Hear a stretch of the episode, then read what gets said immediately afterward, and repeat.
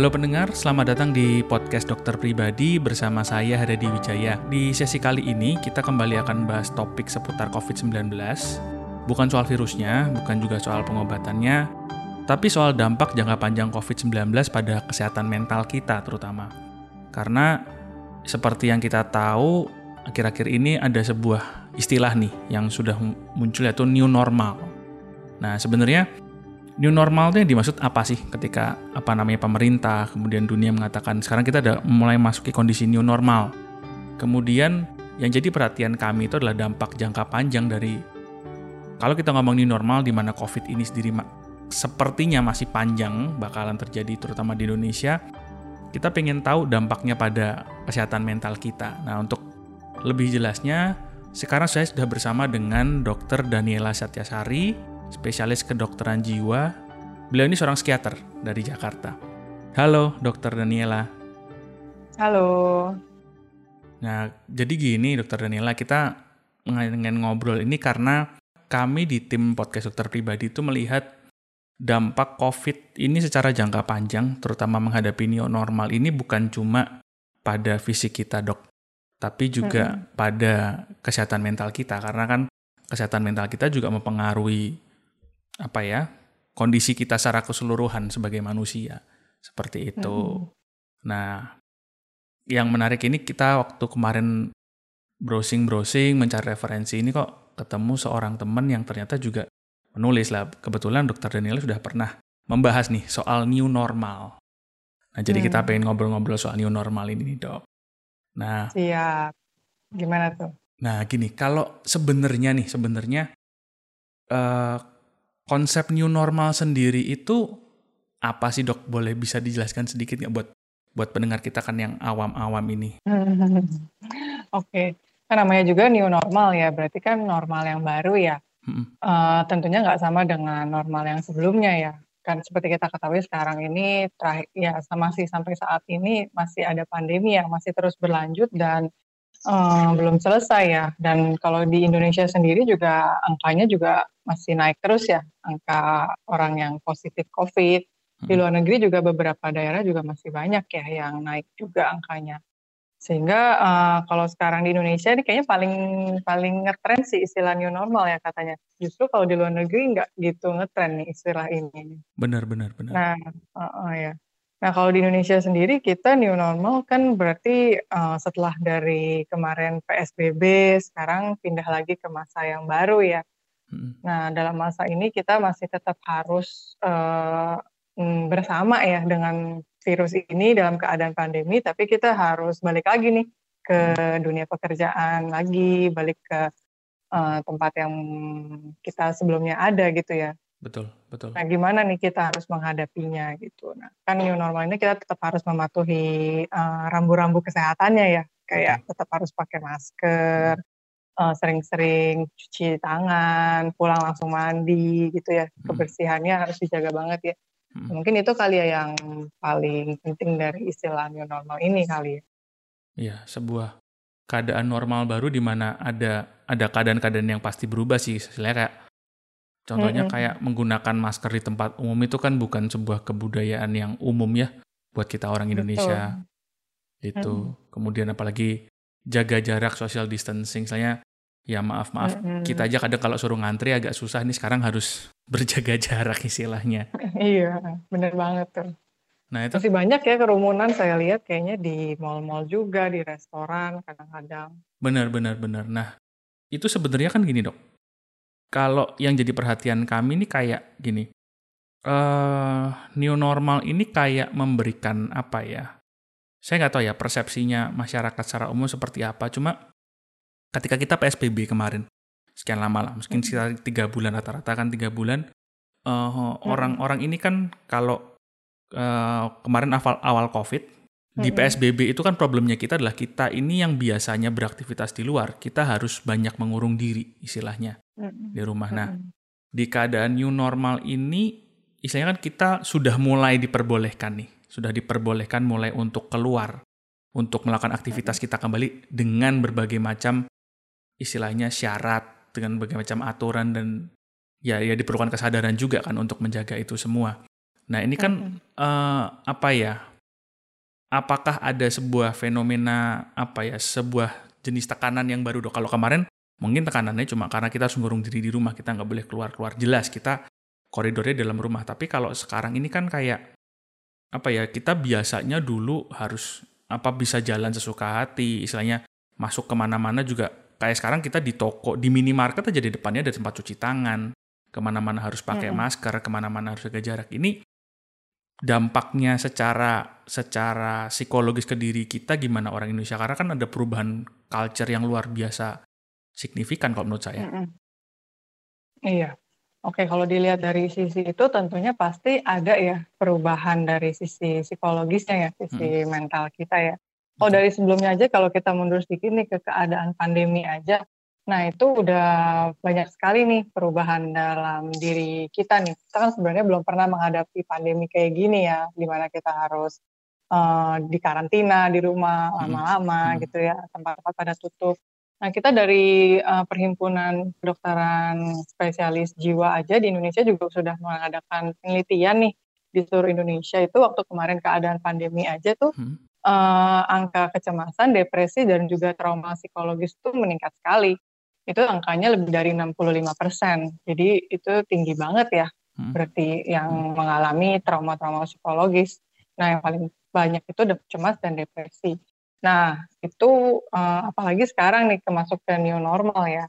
Juga memang belum ada penelitiannya lagi sih ya di keadaan new normal gimana. Mungkin tapi kurang lebih hampir sama kali ya bahwa uh, perasaan cemas dan juga kesedihan dan rasa-rasa trauma psikologis itu mungkin banget masih ada ya dalam hmm. keadaan seperti ini gitu. Kita jadi cemas berlebihan, waspada berlebihan, terus ada juga yang jadi kayak mudah marah, sulit tidur, sulit konsentrasi gitu. Takutnya nanti juga kerja nggak enak, apalagi uh, sekarang kerjaan kan juga pindah ke komputer ya dan web seperti itu kan. Jadi juga screen time meningkat banget. Itu juga kan bikin kita juga stres juga tuh biasanya kayak gitu sih. Hmm, hmm, hmm. Bener-bener. Di kantor yang hmm. biasanya kita kalau istilahnya agak santai kita bisa ngobrol sama teman-teman bergerombol sekarang kudu mikir-mikir juga sih sebenarnya kan kita nggak tahu kan hmm. kayak ya kalau saya rasanya kayak, kayak di kantor gitu sekarang dulunya duduknya dempetan sekarang ada jaraknya aja udah biasanya ngobrolnya hmm. enak nih sekarang jadi kayak ngobrolnya kayak jauh-jauhan gitu agak agak aneh sih dok memang kalau jujur ya awal-awal iya, kembali yeah, ke kantor gitu sebenarnya gini dok kalau kalau gitu yang jadi pertanyaan saya jadi ini apa sih yang sebenarnya kita harus apa ya harus mental state seperti apa keadaan keadaan mental seperti apa yang harus kita punya untuk menghadapi new normal ini karena kalau saya ngomong new normal ini ada juga bukan karena kondisinya pandemi ini sudah membaik loh di Indonesia. Mm -mm. Nah, tapi kan mm. secara umum ini kita bukan di kondisi belum ada di kondisi yang lebih baik, Dok. Mm -mm. Sebenarnya mental state seperti apa sih yang harus kita kita punyain untuk menghadapi kondisi ini? Oke, kalau dibahas tentang mental state dari sisi psikiatri ini jawabannya cuma uh, yang baik dan yang terganggu nih. Hmm, hmm. nah, kalau dibilang harusnya uh, nggak ada yang harus sih sebenarnya ya.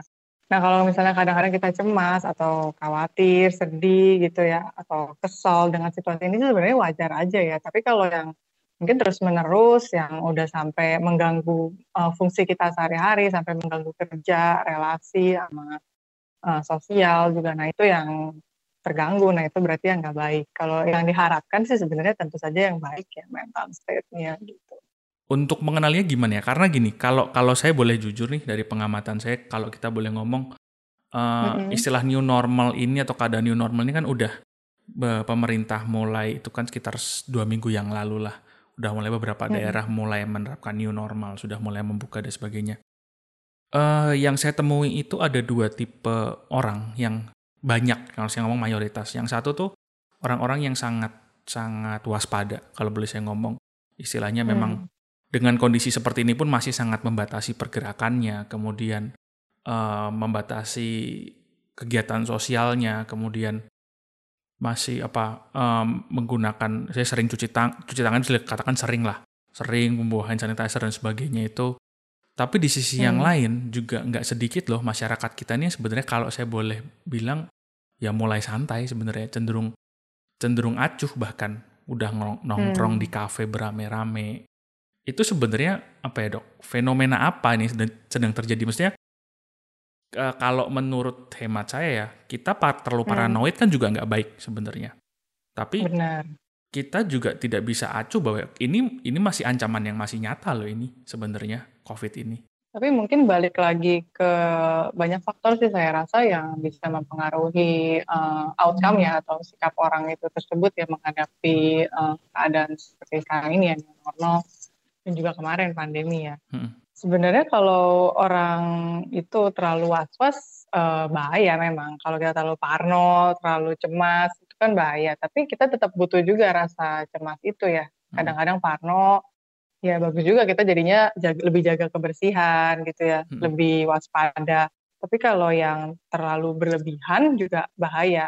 Tapi kalau nggak ada sama sekali itu juga bahaya. Nah kalau mungkin ada di masyarakat sekarang ini bisa jadi mereka ignorance ya, hmm. memang tidak peduli atau mungkin juga bisa dipengaruhi juga oleh faktor edukasi juga yang kurang gitu.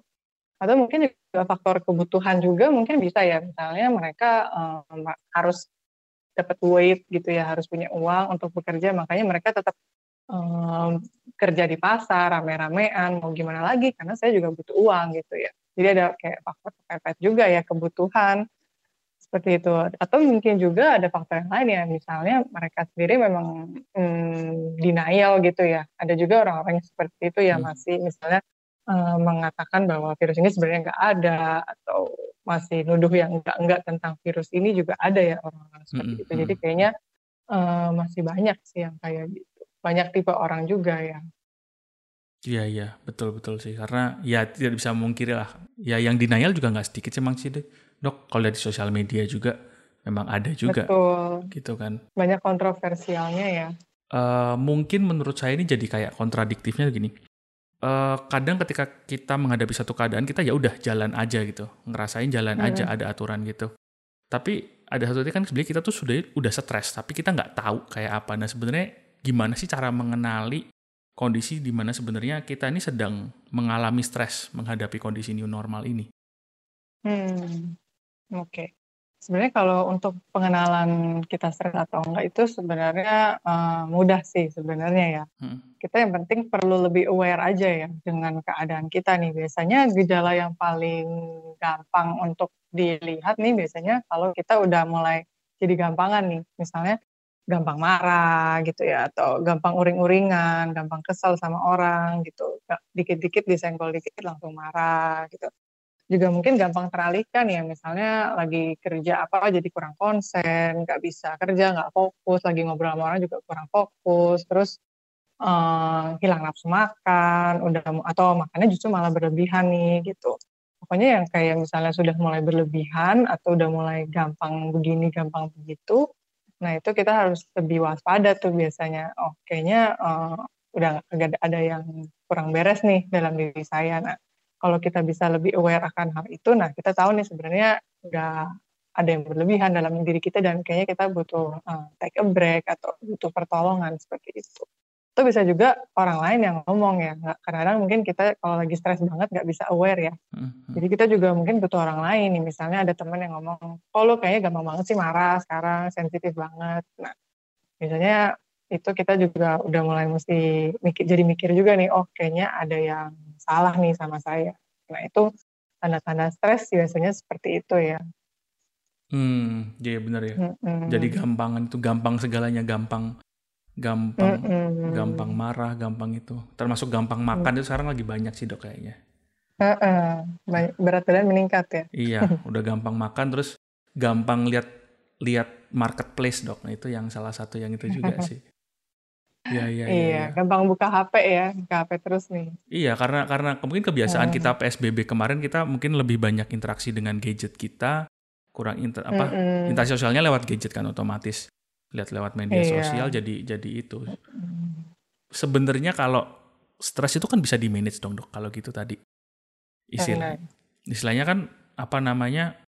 Oh, oke, okay, memang kondisinya berbeda. Kondisinya lebih lebih ada tekanannya lah istilahnya sekarang. Tapi kan bukan berarti kondisi ini tidak bisa di manage karena kan kalau menurut saya salah satu salah satu kehebatannya manusia ini kan kemampuan adaptasi mentalnya yang luar biasa. Nah, sebenarnya adaptasi mental termasuk di manajemen stres. Nah, sebenarnya how to manage stresnya hmm. itu dengan kondisi yang kayak sekarang dengan dengan segala keterbatasannya itu.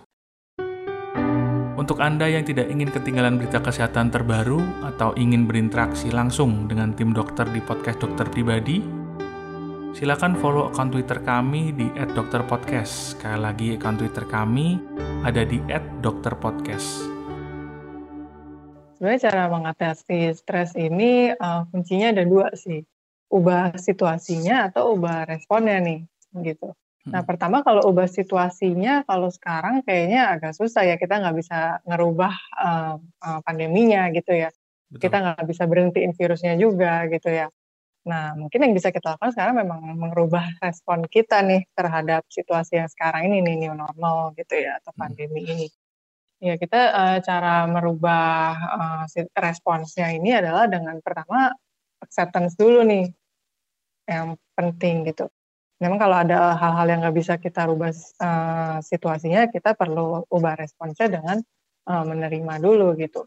Nah, memang perjalanan menuju penerimaan ini yang sulit nih. Biasanya membutuh uh, beberapa fase seperti ada lima fase nih biasanya untuk meneri, uh, menuju ke fase acceptance dari denial dulu, bisa anger, lalu bisa bargaining dulu nih, lalu bisa juga jadi agak depres gitu, baru akhirnya acceptance.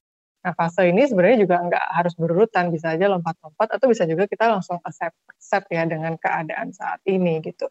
Tapi memang yang pasti butuh waktu nih supaya kita bisa acceptance ya. Uh, misalnya kita jadi sadar nih bisa beteri, bisa menerima gitu bahwa ya emang sekarang saya memang harus pakai masker nih ke mana-mana. Hmm. Jadi nggak bisa misalnya nggak bisa dandan nggak bisa cakep-cakep harus ditutup masker juga gitu kan mm-hmm. atau ke mana-mana nggak bisa dempet-dempetan lagi atau lebih banyak harus di rumah aja gitu ya nah kalau kita misalnya udah bisa acceptance tadi kita akan lebih mudah untuk adaptasi nih baru Nah, sebenarnya kalau adaptasi ini sendiri uh, sebenarnya bisa banget karena sebenarnya kita manusia ini fleksibel. Jadi sebenarnya kita bisa adaptasi. Cuma memang uh, butuh uh, insight juga nih dari kita sebenarnya kita mau nggak sih sebenarnya beradaptasi dengan keadaan sekarang ini gitu. Kalau kita sebenarnya mau beradaptasi sebenarnya bisa aja gitu. Nah memang untuk beradaptasi um, juga butuh waktu juga dan butuh uh, awareness kita untuk uh, melihat keadaan ini dan bersikap itu secara lebih responsif ya nggak reaktif gitu ya. Bedanya itu kalau responsif ya kita uh, saring dulu, mikir dulu harus hmm. gimana gitu. Kalau reaktif itu kan kita langsung uh, marah-marah atau kita harus uh, kesal dengan situasi ini, akhirnya kita makin nggak bisa beradaptasi lagi gitu. Tapi kalau kita bisa um, ambil waktu sebentar dulu untuk mikir atau untuk uh, merencanakan lah kira-kira saya mau ngapain, nah itu kita bisa lebih responsif, nah kita biasanya juga bisa lebih beradaptasi. Biasanya sih gitu ya kira-kira. Ya intinya emang harus menerima berarti itu ya dok ya. Mau nggak mau kan iya, akhirnya. Mau nggak mau, iya. Proses-proses ke sananya itu yang ya tadi yang dokter bilang. Mm-mm. Five iya, stage iya, process of acceptance-nya itu tadi. Ya ya kalau Mm-mm. bisa langsung bisa langsung accept tanpa harus melewati anger dan depressionnya sih nggak apa-apa sih dok. Cuma kan Mm-mm uh, memang ya butuh waktu emang. Sebetulnya kalau iya. faktor lingkungan dalam artian faktor lingkungan sekitar tuh ngefek nggak hmm. sih dok? Sebenarnya seberapa besar faktor lingkungan di sekitar kita? Karena kan um, kondisi orang-orang beda-beda ya. Misalnya ada yang uh, sudah berkeluarga, ada yang hmm. mungkin sekarang masih tinggal sendiri, ada yang sedang itu kan berbagai macam nih kondisinya. Sebenarnya um, faktor lingkungan ini gimana perannya di di itu di dalam manajemen stres itu kalau saya boleh ngomong. Oke, kalau dalam manajemen stres pasti uh, berpengaruh juga ya, karena lingkungan itu satu dari uh, tiga faktor yang pastinya bisa berpengaruh ke kita. Uh, tentunya kalau kita punya keluarga ya kita pasti juga lebih mikirin juga ya logikanya uh, misalnya kita punya keluarga di rumah kita pasti pengen lebih jagain misalnya Betul. sehingga kita jadinya nggak pengen terlalu banyak keluar keluar nanti takutnya misalnya bawa virus hmm. atau gimana gitu ya. Atau kalau kita punya pasangan kita pasti juga lebih peduli mereka gitu ya. Hmm. Tapi kalau lingkungan kita misalnya sebaliknya nih lingkungan kita uh, isinya juga misalnya orang-orang yang ignorance atau misalnya orang-orang yang masih denial juga gitu dengan keadaan ini itu pasti bisa juga berpengaruh sama kita ya apalagi kalau misalnya kita lihat sosmed yang isinya juga kontroversial mulu nih hal-hal yang bilang uh, virus ini sebenarnya nggak ada kayak gitu itu pasti bikin kita juga makin uh, merasa yakin gitu kalau sebenarnya nggak ada dan akhirnya kita juga jadi makin ignorance gitu sama keadaan itu pasti berpengaruh sih. Ya, ya benar sih. Karena mm-hmm. ya karena lingkungan sekitar sangat mengaruhi informasi yang kita serap juga sih akhirnya kalau gitu Dok ya. Benar. Mm-hmm. Nah, sebenarnya gini, Dok. Uh, yang jadi pertanyaan uh, banyak orang sebenarnya nih ketika kondisi Covid yang seperti ini nih uh, kita bakal kembali ke kehidupan kita yang lama nggak sih? Karena karena jujur kalau yang saya lihat yang membuat orang itu kadang uh, stres itu karena orang mendambakan kehidupannya sebelum pandemi ini. Jadi ketika hmm. orang ngomong bahwa oh pandemi ini akan berakhir, oh ini akan selesai, oh ini akan uh, tuntas itu adalah kalau kalau yang saya tanyakan ya rata-rata mendambakan kehidupannya kembali ke seperti yang dulu. Yang kalau hmm. kalau saya boleh ngomong, kalau kita ngeliat keadaannya apalagi ini sebuah outbreak sebuah outbreak virus, kita nggak bakal kembali ke kehidupan yang dulu sebenarnya kenyataannya. The new norm, the new normal is literally the new normal. Normal yang baru ini adalah sesuatu keadaan yang bakal kita harus jalanin entah sampai kapan sih kalau boleh saya ngomong. Nah, uh, gimana ya caranya kita buat bisa menerima kondisi bahwa ya itu bahwa ki, mungkin kehidupan kita yang lama yang kayak dulu kita bayangin sebelum pandemi ini mungkin nggak akan kembali loh. Iya benar-benar. Uh, saya rasa kalau untuk itu pasti harapan semua orang kali ya bahwa pandemi ini bisa berakhir ya. Mm-hmm. Um, nah cuma kalau kita uh, pertanyaannya tadi kapan ini bisa berakhir, wah saya juga nggak bisa jawab nih kapan. Yeah. Mm-hmm. Ya, mungkin kalau vaksin udah ditemuin dan semua orang divaksin gitu ya itu uh, merupakan udah berapa persen tuh sebagian besar udah bisa teratasi gitu walaupun nggak 100% juga ya. Sekarang pertanyaannya jadi gini, gimana kalau kita melihat orang-orang sekitar kita nih dok? Bagaimana kita hmm. apa ya? Uh, kalau mereka mengalami stres atau mengalami tekanan psikologis menghadapi kondisi new normal ini, apa sebenarnya yang bisa kita lakukan? Bagaimana kita jadi support sistemnya mereka sih sebenarnya? Uh, pertama kita mungkin perlu aware juga ya, oh orang ini kayaknya butuh bantuan. Nah, uh, pertama kita juga bisa bantu nggak? Nah, gitu. Hmm. Kalau emang ternyata kita bisa bantu, kita bisa bantu dia, boleh dibantu. Tapi kalau uh, ternyata kita nggak bisa bantu, kita juga bisa kasih dia hmm, pertolongan lain. Misalnya, eh uh, kamu kalau ternyata butuh bantuan, saya bisa uh, refer kamu ke mana gitu ya, hmm. untuk uh, membantu kamu, misalnya psikolog atau ke psikiater gitu ya. Um, kadang-kadang kita juga bisa um, membantu dia juga sebenarnya dengan cara mendengarkan aja ya. Kadang orang juga cuma butuh didengerin aja nih kalau lagi stres gitu ya, meluapkan perasaannya ya, ekspresi perasaannya gitu. Atau kita juga bisa bantu saranin misalnya dia untuk take a break dulu sih. Biasanya orang butuh take a break sementara gitu. Mm-hmm. Tetapi kita bisa tanyain dulu sih kebutuhannya apa gitu. Dan apa sih yang dia rasain sebenarnya kalau emang uh, tadi seperti tadi ya kalau misalnya kayaknya kita lihat gejala-gejalanya itu udah ke arah stres yang udah berlebihan tadi ya gampangan gampangan-gampangan itu uh, kita mungkin bisa ajukan bantuan nih untuk dia seperti itu. Nah tapi kadang-kadang kan orang ada yang mau dibantu ada yang enggak juga ya. Nah ya betul betul betul. Kadang juga di nah. di ya kita ngomong ngomong soal stres itu agak sulit sih dok kalau saya boleh ngomong di Indonesia ngomong temen eh hmm. kayaknya lu kelihatan hmm. stres deh tuh kayaknya kayak sebuah apa ya uh, kutukan gitu ya iya kutukan kayak kesannya kayak kita kok ngomongin dia mengutuk dia gitu nah kalau gitu hmm. jadi nyambung pertanyaan gini dok di titik mana hmm. sebenarnya kita kita ini perlu ke psikiater atau kita perlu mengajak orang misalnya kita melihat orang dengan gejala tertentu ini ke psikiater karena uh, yang kita pengen edukasi juga di sini kan karena kalau boleh jujur kondisinya di Indonesia ini psikiater tuh stigmanya nggak bagus-bagus amat tuh di masyarakat kita. Itu pergi ke psikiater, orang yang pergi ke psikiater tuh stigmanya tidak cukup positif kalau saya ngomong. Nah, tapi kan kita tetap harus ketika orang memang ada gejalanya kita harus tetap membawa mereka atau kita sendiri yang mengalami. Nah ini di titik mana istilahnya kita perlu bantuan profesional. Benar banget ya. Uh, saya rasa untuk masalah jiwa ini di Indonesia masih uh, di stigma banget ya. Hmm. Psikiaternya sendiri juga biasanya juga bisa kena stigma juga nih. Hmm. Memang uh, untuk teman-teman kita yang kayaknya butuh bantuan itu kita lihat sebenarnya sih kalau udah uh, mengganggu ya fungsinya, mengganggu fungsi gitu misalnya uh, tadinya dia bisa uh, kerjain kerjaan rumah tangga gitu sehari-hari hmm. jadi ibu rumah tangga terus misalnya jadi nggak bisa nih hmm.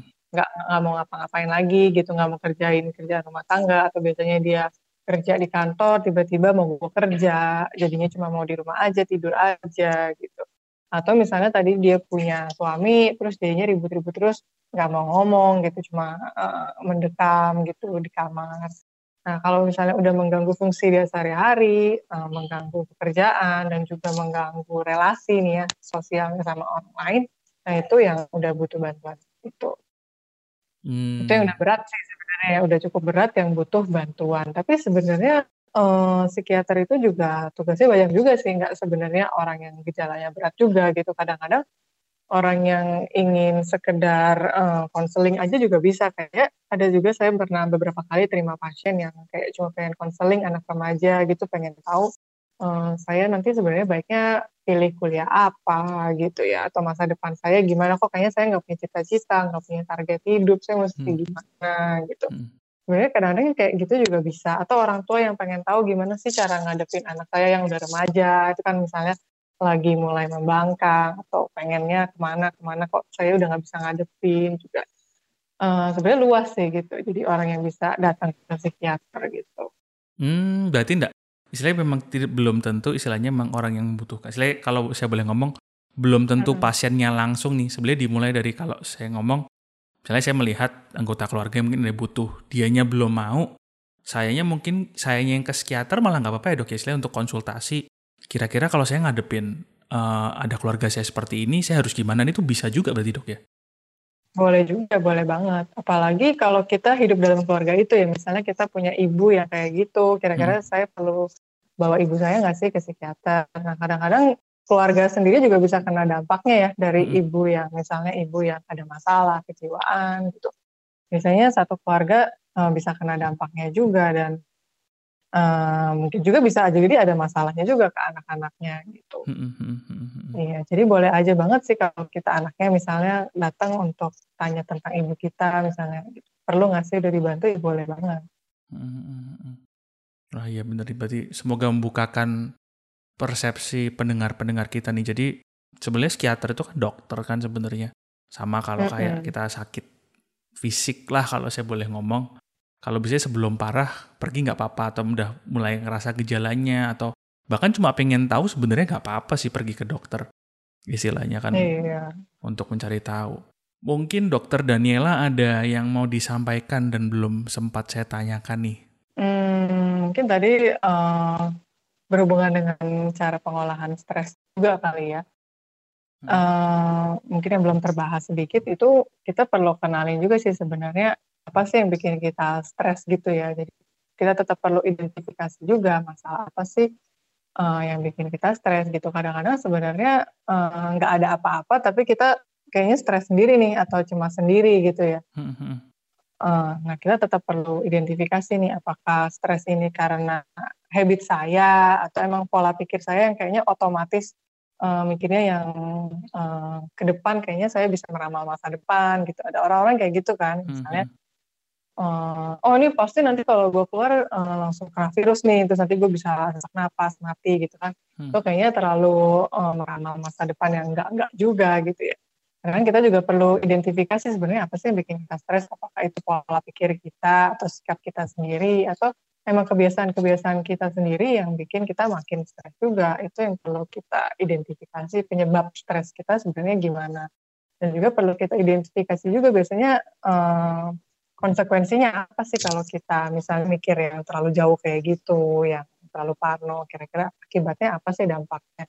Sehingga kita nanti akhirnya kalau kita bisa identifikasi semua itu, kita juga bisa lihat um, bertanya juga kepada diri sendiri gimana sih cara menjadikan situasi ini lebih baik gitu. Jadi kita sebenarnya bisa nulis itu sendiri semua dan kita pikirkan sendiri um, cara identifikasi dampaknya dan uh, gimana cara mengatasinya. Jadi sebenarnya kita sendiri bisa cari tahu sendiri gitu. Kalau mau di rumah ya kita bisa lakukan sendiri sebenarnya cara mengatasi stres itu. Hmm, ya ya benar-benar.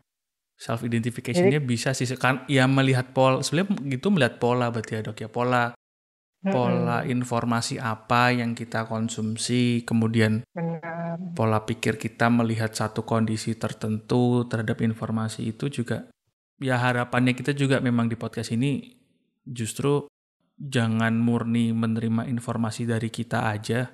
Kita justru pengen teman-teman nih bisa lebih itu sih, lebih proaktif lah sebenarnya mencari informasi. Pemerintah ya, udah menyajikan informasi, kemudian dunia internasional media sekarang udah gampang juga cari informasi sebanyak-banyaknya makin tahu dari dari sumber yang valid tentunya. Karena orang Indonesia biasanya percayanya sama WA keluarga sih, Dok. Bener, bener banget. Nah itu dia tadi makanya kita tetap perlu responsif ya, nggak reaktif terhadap suatu berita, terus habis itu langsung sharing-sharing ya. Tetap butuh saring dulu kali ya, baru sharing gitu ya. Karena kita nggak tahu istilahnya informasi yang asal kita sharing itu terutama di grup-grup ya keluarga atau kumpulan jangan-jangan bisa membuat stres orang lain yang membacanya loh kalau kita nggak bener-bener ngefilter kan. Iya. Gitu.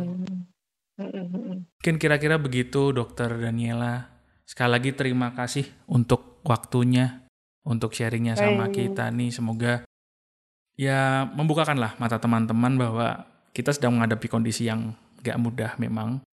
Seluruh dunia menghadapi ini tapi uh, we have to adapt. Kita harus beradaptasi. Kita harus menghadapi ini menghadap, menghadapi ini semua bareng-bareng dengan positif dan semoga ke depannya jadi lebih baik sih gitu amin terima kasih ya mudah-mudahan kita sehat semua juga ya Dokter Danila mungkin kalau untuk ada sosial media atau kanal-kanal lain buat teman-teman yang pengen ngobrol atau pengen ngomong soal mental health issue terutama ini bisa kontak ke mana nih dok?